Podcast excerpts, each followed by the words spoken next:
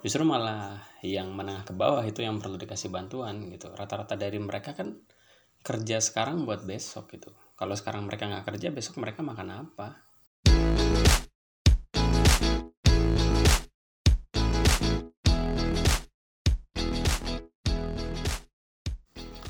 Hai, selamat datang di podcast Psikologi dalam Berita edisi 14 Juli 2021.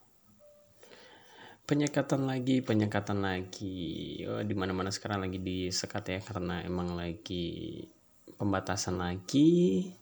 Kita menghadapi pemerintah kita menghadapi gelombang kedua ini gitu dengan cara yang sama seperti yang pertama yaitu dengan melakukan penyekatan tapi berharap hasil yang beda ya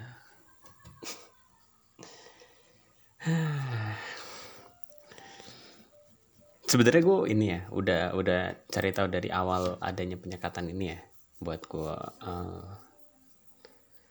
istilahnya pengen tahu gitu loh apa gunanya penyekatan ini. Tapi meskipun gue udah baca sana sini gue udah lihat uh, penjelasan dari ahli gitu tentang penyekatan ini logika gue masih belum masuk tentang penyekatan ini. Kayak belum optimal gitu loh kalau emang dari pemerintah pengen adanya penyekatan gitu buat mengendalikan mobilitas kan itu yang paling utama ya mengendalikan mobilitas warga nyatanya nggak ada pengaruhnya gitu. Mobilitas tetap banyak malah makin menumpuk gitu. Ya rata-rata pada lewat jalan tikus gitu. Yang nggak nyalahin warga juga sih kayaknya apa ya harusnya kayaknya prosedurnya nggak disekat doang deh perlu ada mungkin pemerintah ngasih pemahaman gitu ke warga gitu.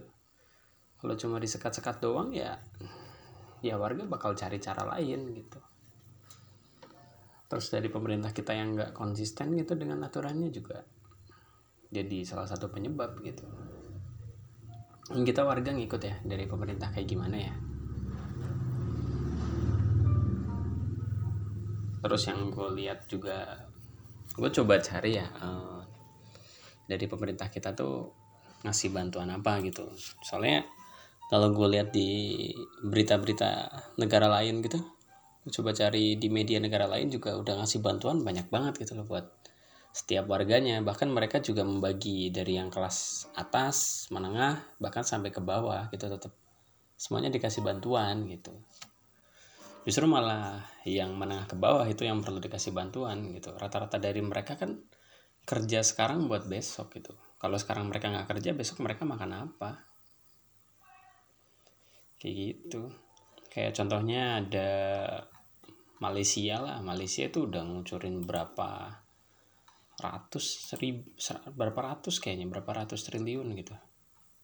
Jepang malah sampai berapa ya? 2000 2000 triliun kalau nggak salah ya? Apa lebih banyak dari itu gitu. Ya emang perlu keluar banyak ya mau gimana lagi? Nah gue udah ini nih nemu nih. Malaysia tuh ngeluarin lebih dari 940 triliun ya. Mau nggak mau gitu loh. Dan mereka emang ngelakuin lockdown gitu loh ditutup terus dikasih bantuan gitu emang harus pilih salah satu sih kalau mau dua-duanya gitu. Maksudnya mau dua-duanya tuh lu mau ngendaliin pandemi gitu sekalian buat naikin ekonomi gitu kayaknya nggak mungkin deh. Susah susah. Perlu salah satu gitu loh. Lu kendaliin dulu pandeminya gitu lu baru naikin ekonomi gitu loh percuma kalau lu naikin ekonomi kalau akhirnya masyarakat kita pada mati. Hmm. Ya begitulah. Uh, Singapura nih pakai cadangan negara gitu buat pandemi ini. Ya mau nggak mau pandemi ini tuh. Jujur ya gue ini ya uh, teman gue saudara gue setiap orang yang gue kenal dari mereka semua tuh belum pernah ada yang ini loh. Gue tanya tuh dapat anggaran dari ini dari pandemi ini bukannya ini ya gimana gimana ya? Belum entah belum sampai entah emang nggak dapat atau gimana gitu. Padahal kebanyakan yang gue tahu juga bukan menengah ke atas gitu butuh butuh bantuan gitu. Ya seenggaknya ini ini kali ya listrik nggak bayar itu kan waktu pernah ya sebulan sebulan dua bulan gitu. Ya setahun lah listrik nggak usah bayar atau ya semacam itu gitu loh yang benar-benar kena gitu ke masyarakat. Kalau cuma dibatas-batasin doang terus tapi nggak dikasih bantuan ya susah gitu. Bener kata siapa yang bilang ya nah, yang katanya ngebunuh masyarakat secara perlahan-lahan ya emang. Kalau emang mau naikin ekonomi nih yaudah sekalian aja jor-joran aja lah. Naikin aja ekonominya gitu. Tapi kalau gue mikir juga serba salah juga sih kalau jadi pemerintah sih. Kalau uh, ngejor-jorin gitu ntar disalahin lagi gitu. Tapi ya emang perlu buat terbuka gitu loh. Perlu buat ngomong gitu loh kayaknya kayaknya ini deh kayaknya kurang jujur deh dari pemerintah kita itu. Itu juga yang pernah diungkapin sama salah satu narasumber di majalah Tempo gitu. Dia pernah bilang kalau di pemerintah kita yang yang ini loh di Tempo kan kayaknya pernah ini yang ngasih uh, sebuah postingan atau apa gitu yang bilang Jokowi sebaiknya uh, Presiden Jokowi ngeluarin bendera kuning bendera putih gitu. Itu yang dimaksud tuh bukan bukan menyerah bukan untuk turun gitu. Tapi untuk bilang kalau belum di di negara kita tuh nggak bisa buat nanganin pandemi ini gitu. Jadi ya bilang kalau ya emang susah gitu loh. Nggak nggak bilang kalau ini terkontrol ini aman aman gitu. Tapi kenyataannya tiap hari ada 20 ribu kasus. Ya. kalau sekiranya bilang gitu dari masyarakat juga nggak akan istilahnya apa ya ya minta bantuan gitu bersama gitu. Jadi kita juga ada empati gitu loh buat sama-sama ngebantu gitu. Yang gue pikirin tuh orang-orang yang tadi yang gue bilang kerja sekarang buat makan besok. Kayak adanya penutupan-penutupan nih salah satunya di tempat gue ya di salah satu kota gitu di Jawa Tengah di sini itu ya kayak tukang-tukang cukur tukang tambal ban apa semua tutup gitu. Ya mau gimana gitu loh. Sedangkan sepanjang yang gue tanya nih bahkan kemarin gue juga ngobrol sama tukang nasi padang itu yang dia juga tutup itu. Dia juga bilang kalau nggak ada bantuan gitu nggak dapat bantuan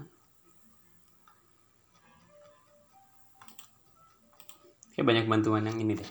Datangnya kebanyakan di Jabodetabek Jabodetabek aja gitu.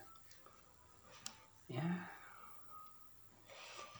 Nggak bisa ya bantuan kayak langsung disalurin ke semua gitu ke pejabat-pejabat daerah gitu terus nanti dibagiin lagi gitu. Yang penting sampai dulu gitu loh sedikit atau banyak gitu. Nyampe ke semuanya. Kayaknya masyarakat kita bakal menghargai deh. Oh dapat itu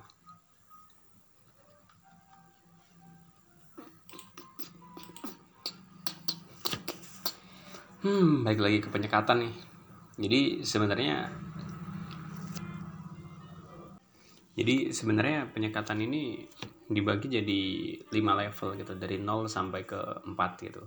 Nah tiap levelnya tuh ada pembatasan gitu loh. Jadi semakin tinggi transmisi dari sebuah wabah atau apa gitu semakin ini juga dilakuin penyekatannya itu cuma ya sampai sekarang gue masih apa ya istilahnya mungkin karena nggak cocok atau nggak sesuai gitu prosedurnya sama kita gitu. Ya logika gue masih nggak masuk. Mana nanti di tempat gue bener-bener di tempat gue gitu di deket kos gue gitu ada penyekatan lagi. Mana itu di jalan utama. Nggak bisa ini nih gue turun gitu kerja gitu. Untung libur gue besok. Yang butuh ke kota gimana ya? Jadi jalan ke kota jadi itu kayak jalan-jalan utama gitu loh jalan utama. Terus kalau kalian mau turun ke kota atau ke tempat yang istilahnya lebih banyak uh, makanan lebih banyak tempat kesehatan gitu puskesmas gitu itu harus lewat situ gitu loh. Sedangkan besok jalannya ditutup ya bisa bisa lewat jalan lain. Cuma muter dan muternya tuh berapa ya jauhnya ya? Ibarat kata lu muterin kota lah muterin kota. Si jalannya tuh kayak keluar keluar apa perbatasan gitu lah pinggiran gitu. Jadi jauh banget itu loh kalau harus muter balik.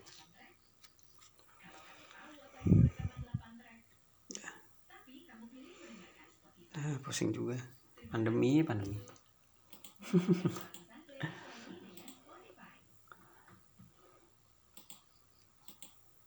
Kemarin juga ada berita yang ini apa namanya disemprot semprotin gitu pakai apa air gitu. Kayaknya kasihan gitu ngeliatnya. Ya gue nggak sepenuhnya buat nyalahin pihak satpol pp gitu tapi ya dilihat lagi gitu loh. Emang nggak bisa ya untuk ngasih tahu pelan pelan gitu. Gue pernah ngobrol sama salah satu anggota satpol pp belum lama sih. Dia bilang kenapa dia ngelakuin kayak gitu gitu. Dia ngambil ngambilin kursi. Ya dia serius. Uh, dia pernah sidak gitu di mana terus tiba-tiba langsung kursi sama mejanya diambil gitu dia sih bilangnya setiap tempat yang itu tuh udah dikasih surat peringatan gitu. Surat peringatan terus pas satpol pp lewat ya langsung dilakuin uh, itu gitu loh penyitaan lah istilahnya gitu. Ya bilangnya sih biar dapat efek jerak gitu. Jadi uh, menurut dia kan gue bilang ya uh, kenapa nggak dilakuin dengan cara yang lebih apa ya humanis gitu ngobrol atau ngasih tahu atau kasih tahu aja. Pak kemarin udah saya kasih peringatan gitu. Kenapa masih buka? Ya udah bapaknya habis itu langsung, langsung tutup pasti. Kayak gitu. Tutup pak tutup pak. Tutup. Tapi kalau menurut dia ini uh, yang gak salah juga sih dia bilang katanya nanti kalau cuma diingetin doang orangnya tutup terus habis itu bisa buka lagi. Ya emang bener gitu. Terus bisa ngasih efek jerah cuma gue nggak tahu ya di suratnya itu ada keterangan gitu kalau emang melanggar gitu bakal ada penyitaan apa enggak tapi tetap kasih mana ini ini info gue dapet dari orang lain sih bukan dari uh, pihak satpol pp ini gitu. Dari orang lain bilang kalau uh, kalau pas mau ngambil barang-barang yang disita itu ya nanti harus nebus gitu. Nebus ya bayar Hmm, aduh, aduh. Eh gue yakin tapi masyarakat tuh sebenarnya pengen sih buat mengikuti uh, apa yang diminta pemerintah. Yakin gue sebenarnya. Sebenarnya tuh pasti nurut gitu. Asal ya dari pemerintah pertama jujur dulu gitu loh. Kalau istilahnya emang kalau emang kesulitan buat menghadapi pandemi atau butuh bantuan masyarakat gitu bilang lah jangan bilang semuanya aman-aman gitu ternyata enggak. Terus habis itu juga dari kalau bisa sih kebutuhan dasar gitu loh. Kebutuhan dasarnya tercukupi lah buat masyarakat gitu. Katakanlah gue dapat bantuan ya kayaknya gue bakal syukur-syukur lah gitu lah. Ya udahlah gitu sengaja daripada gak dapet kayak gitu. Ada pula gue kemarin diskusi sama temen gue juga bilang Eh, kalau kan ada ada ini ya ada info kalau bantuannya tuh sekitar 300 pak 600 ribu gitu per kepala keluarga gitu selama sebulan ya. Nggak tahu itu cukup apa enggak ya. Lagi buat orang-orang yang nggak bisa kerja gitu. Mana itu infonya buat karyawan lagi? Nggak tahu itu karyawan bukan ya? Lupa ya itulah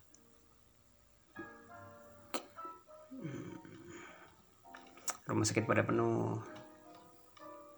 Kemarin juga gue dapet info temen gue ada hmm, siapa ya ibunya apa tantenya gitu. Dari Solo. Terus dia kan dirujuk atau gimana gitu ke Semarang kan. Hmm, ternyata di sini penuh gitu. Tahu nggak dirujuk ke mana? Ke Bandung. Jauh jauh banget. Meriang. Sakit. Kalau nggak salah terus aja di Bandung kritis atau gimana gitu. Semoga cepat sembuh lah. Hmm. rame juga sekarang muncul istilah resiliensi tapi resiliensinya sama aturan yang dikasih sama pemerintah. Gue baru tahu ada resiliensi yang pengertiannya negatif gitu. Misalkan resiliensi ini ya kayak kita tahan gitu ketahanan diri kita sama tekanan gitu baik itu internal apa eksternal kayak gitu gitu itu dalam psikologi sih. Tapi kalau resiliensi sama aturan justru sebaliknya gitu loh. Bukan lu adaptasi tapi lu menentang gitu loh. Uh, resiliensi sama aturan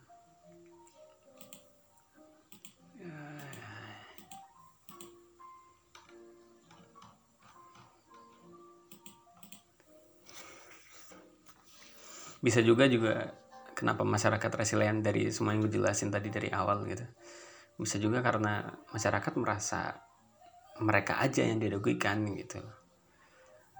Kita nggak apa ya nggak tahu juga ya. Cuma yang rata-rata orang lihat sekarang gitu kayak yang susah masyarakat aja gitu dari pihak pejabat pemerintah gitu. Mereka nggak kayak ya tetap biasa aja gitu loh. Tetap dapat gaji seperti biasa gitu. Menutup-nutup. Kalau di sini sih masih kayaknya sih masih selama itu masih di jam operasional gitu masih dikasih. Tapi kalau yang di Jabodetabek kayaknya beneran udah pada ditutupin di rata-rata deh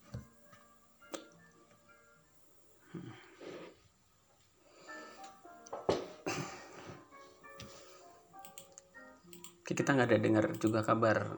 Ada pejabat atau pemerintah yang bilang saya akan berikan separuh lah. Tahu ya syukur-syukur ya ini sebagian besar gaji saya untuk membantu masyarakat lah atau apa gitu. Kenapa nggak gitu ya? Mereka juga pasti punya tabungan kan. Atau mungkin orang-orang yang sekiranya bisa Eh, bangun gitu loh. Di masa pandemi ini bisa saling bantu gitu ke yang sekarang lagi kesusahan. Hmm. resilient resilient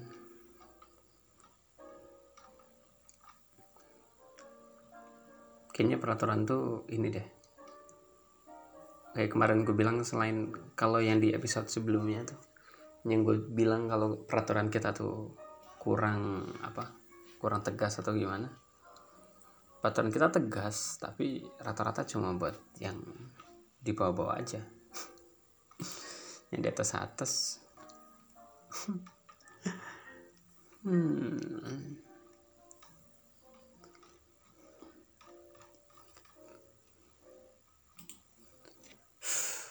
pantesan ya masyarakat kita resilient gitu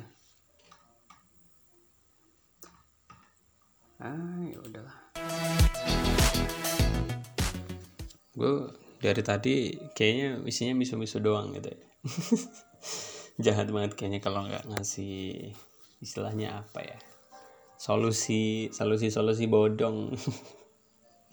Gue nggak bisa sih buat ngasih solusi gitu karena emang secara ahli pasti banyak yang orang yang lebih jago lebih pintar lebih ahli gitu di luar sana. Gue mungkin di sini bakal untuk ngasih saran dari negara-negara yang sekarang udah berhasil buat ngendaliin angka covid gitu. Dari situ kan kita bisa belajar ya apa yang dilakuin sama negara itu gitu. Nggak selalu kita niru negara itu bakal berhasil enggak gitu. Cuma dari ini tuh seenggaknya bisa jadi referensi gitu. Yang pertama itu ada Jepang gitu. Jepang sama sebenarnya kayak kita gitu. Mereka nggak melakukan lockdown gitu. Mereka cuma membatasi kegiatan warga. Ya yes, sama lah. Mungkin di sana tapi istilahnya bukan ppkm gitu. Tapi mungkin ppkm kun. Kayak gitu.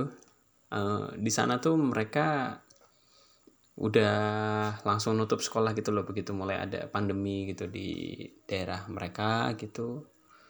Terus uh, sebenarnya nggak jauh beda gitu. Tapi di sana karena bantuan itu gitu loh. Jadi meskipun nggak lockdown tapi tetap warganya semuanya dikasih bantuan gitu di Jepang. Ya otomatis kalau dikasih bantuan orang kan nggak harus keluar gitu loh untuk mencari makan gitu untuk kerja cari makan. Masa iya nggak? Iya nggak mati karena covid masa mati kelaparan terus kalau di Singapura gitu dia juga sama gitu.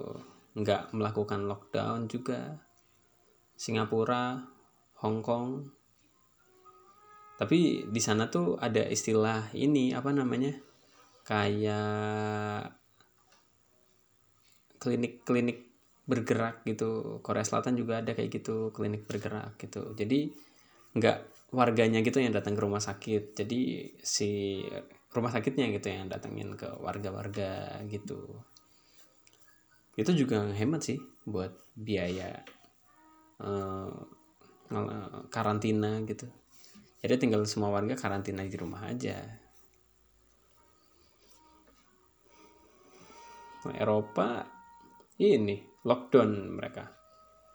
Lockdown meskipun awal mereka sempat anjlok banget kan ekonominya kan negara-negara Eropa gitu. Tapi habis itu mereka kan ngelakuin ini ya tes-tes terus vaksin secara besar-besaran gitu menyeluruh. Ya sekarang kita lihat mereka udah bisa nonton bola langsung gitu di lapangan.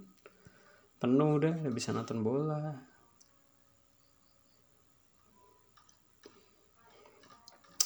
Ya gitulah itu juga nggak lepas sih dari negara mereka meskipun beberapa sama kan kayak kita kan nggak lockdown gitu. Tapi perbedaan mereka tuh mereka banyak banget gitu buat ngelakuin tes gitu. Bahkan bisa dibilang hampir semuanya gitu. Kayak kemarin tuh negara mana ya? Udah dua per tiga gitu loh yang dites gitu. Hampir hampir semuanya lah. Hampir semua dites gitu. Terus buat uh, cari tahu mappingnya juga jelas gitu loh mapping coronanya gitu. Gue nggak tahu ya kita ngikut ya pasti pasti inilah pasti ada ada sistem gitu kita juga bisa jadi ngikut negara yang berhasil gitu dengan sistemnya kita yang uh, kita ngelacak gitu. Uh, ada warga yang kena covid gitu terus kita lacak penyebarannya baru habis itu kita karantina gitu habis itu kita tes tes tes tes gitu yang berkontak gitu baru dikarantina. Tapi kayak gitu bukannya berarti ada kan ada ada kayak orang-orang yang nggak lapor atau nggak ketahuan ya tetap menyebarin gitu ke mana-mana.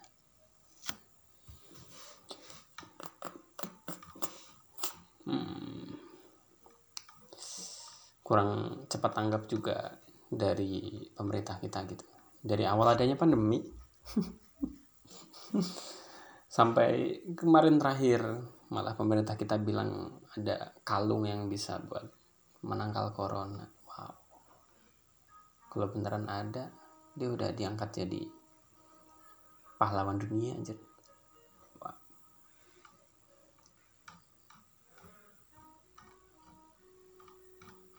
ya itulah. Itu yang bisa kita pelajari dari negara-negara yang berhasil gitu buat mengatasi pandemi udah bisa berkerumun mereka. Tapi meskipun begitu mereka tetap ini tetap patuh protokol gitu. Mereka tetap pakai masker mereka tetap jaga jarak. Nggak kayak kita habis vaksin terus public figurnya pesta-pesta. Itu kan kayak cerminan cerminan dari masyarakat kita gitu terus juga bikin menginfluence masyarakat jadi kayak gitu. Dari vaksin jadi susah. Ya. Oke lah. Oke udah sekian podcast kalau dalam berita kali ini. Jangan lupa dengerin podcast kalau dalam berita di Spotify Google Podcast dan juga Apple Podcast. Bye bye